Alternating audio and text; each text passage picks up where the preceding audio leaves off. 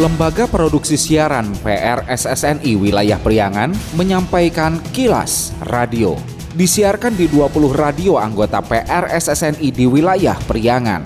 Dan kilas radio edisi kali ini di antaranya mengenai menyusul penataan kawasan alun-alun Singaparna, PKL akan direlokasi. Pelantikan 24 kepala sekolah SD SMP Kota Banjar menyusul 8 lagi yang masih diproses. Pendengar, inilah kilas radio selengkapnya. Kilas Radio. Kilas Radio. Kilas Radio. PR SSNI Jabar Wilayah Priangan.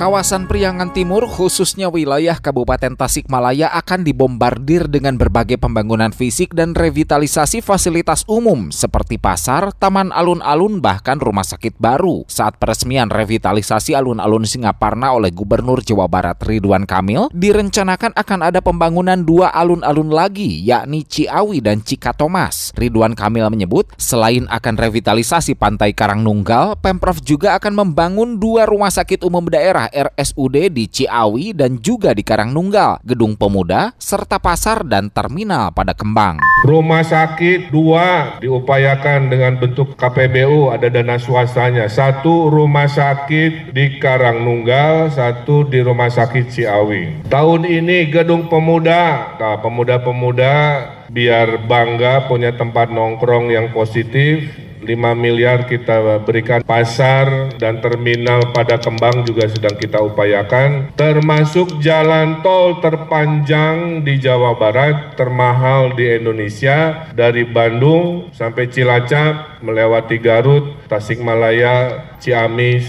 Banjar, Pangandaran.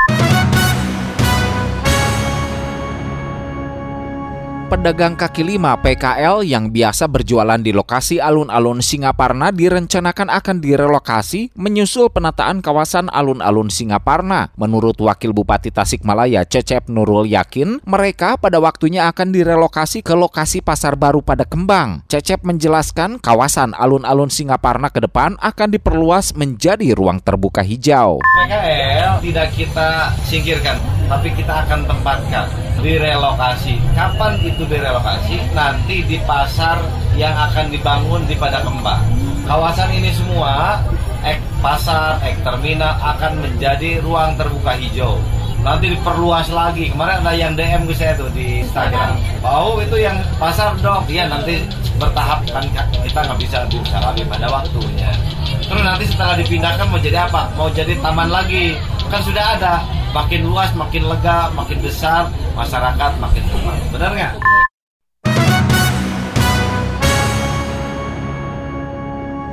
Pemerintah Kabupaten Garut kembali membuka sentra vaksinasi COVID-19 di Pendopo Garut. Bupati Garut Rudi Gunawan Rabu 18 Januari mengatakan layanan vaksinasi COVID-19 tetap harus berjalan kendati pemerintah pusat telah mencabut kebijakan pemberlakuan pembatasan kegiatan masyarakat PPKM. Menurut Rudi, vaksinasi dinilai penting untuk memperkuat imunitas karenanya ia himbau masyarakat bisa manfaatkan layanan vaksinasi setiap akhir pekan di Pendopo Garut. Selaku Bupati dan Ketua Satgas COVID-19, PPKM sudah dihentikan oleh pemerintah tetapi kita harus memper memperkuat tubuh.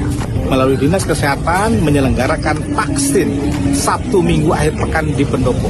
Kita akan berikan snack ya untuk yang datang ke Pendopo sesuai dengan yang ada saat itu. Tetapi vaksin ini diberikan untuk dosis 1, dosis 2, dosis 3, dan dosis 4 yang ini bisa dilaksanakan di Pendopo setiap Sabtu dan Minggu. Dari jam 8 sampai jam 12, ayo datang ke Pendopo, divaksin supaya kita lebih sehat. Dinas Kesehatan Kabupaten Garut melalui Sekretaris Dinas Leli Yuliani menyebut cakupan vaksinasi COVID-19 booster pertama masih relatif rendah, yakni 51,9 persen dari sasaran awal, sementara cakupan vaksinasi dosis 1 sudah 83,1 persen dan dosis kedua 76,6 persen dari sasaran awal. Di Kabupaten Garut juga sudah berjalan vaksinasi dosis keempat atau booster kedua, tapi masih sebatas sumber daya manusia kesehatan. Kilas Radio. Kilas Radio. PR SSNI Jabar Wilayah Priangan. Musim hujan telah tiba. Waspadai kawasan sekitar Anda yang berpotensi rawan bencana alam, longsor, banjir, angin puting beliung, dan lain-lain.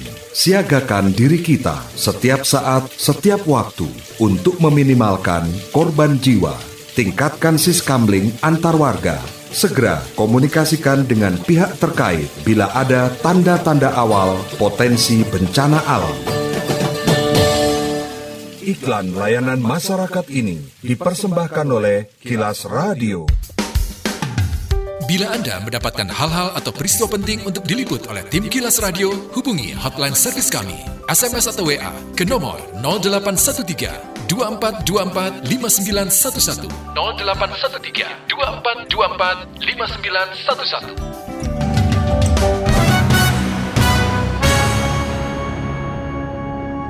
Komunitas Durfur Ciamis bekerja sama dengan PMI Ciamis menyelenggarakan aksi donor darah peduli talasemia serta bakti sosial santunan anak yatim piatu dan jompo. Menurut Gubernur Durfur, Rusna Apriyatna atau akrab dipanggil Unya Rusna, donor darah peduli talasemia rutin digelar setiap tiga bulan sekali sejak 2008 silam. Rusna menyebut rata-rata tiap aksi donor diperoleh sekitar 100 labu darah. Tak hanya aksi donor darah, baksos juga digelar berupa pemberian santunan di diikuti 250 orang lebih yatim piatu dan jompo. Mengawali kegiatan bakti sosial donor darah Durpur, peduli talasemia, peduli jompo, dan peduli yatim. Dan alhamdulillah semenjak uh, COVID baru sekarang mulai lagi. Pemkab Ciamis melalui asisten daerah 2 bidang perekonomian dan pembangunan AF Saifullah mengapresiasi bakti sosial Durfur guna membantu kelangsungan hidup para penderita talasemia. Kami atas nama pemerintah Kota Ciamis mengapresiasi dan mengucapkan beribu-ribu terima kasih. Bangga sekali dilaksanakannya lagi bakti sosial donor darah terus memberikan santunan kepada anak yatim piatu, anak-anak talasemia, juga kepada saudara-saudara kita panti jompo.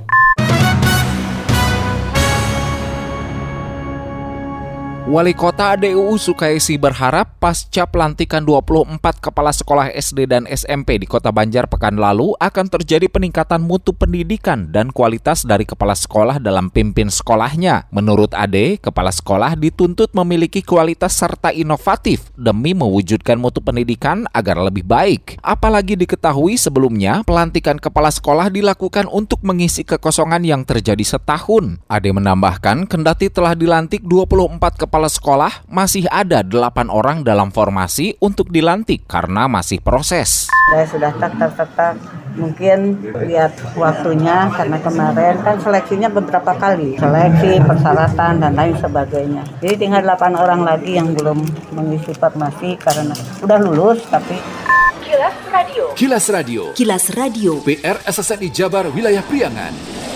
Sekian Kilas Radio saya Dido Nurdani beserta tim Kilas Radio Priangan. Salam PRSSNI. Kilas, Kilas. Radio.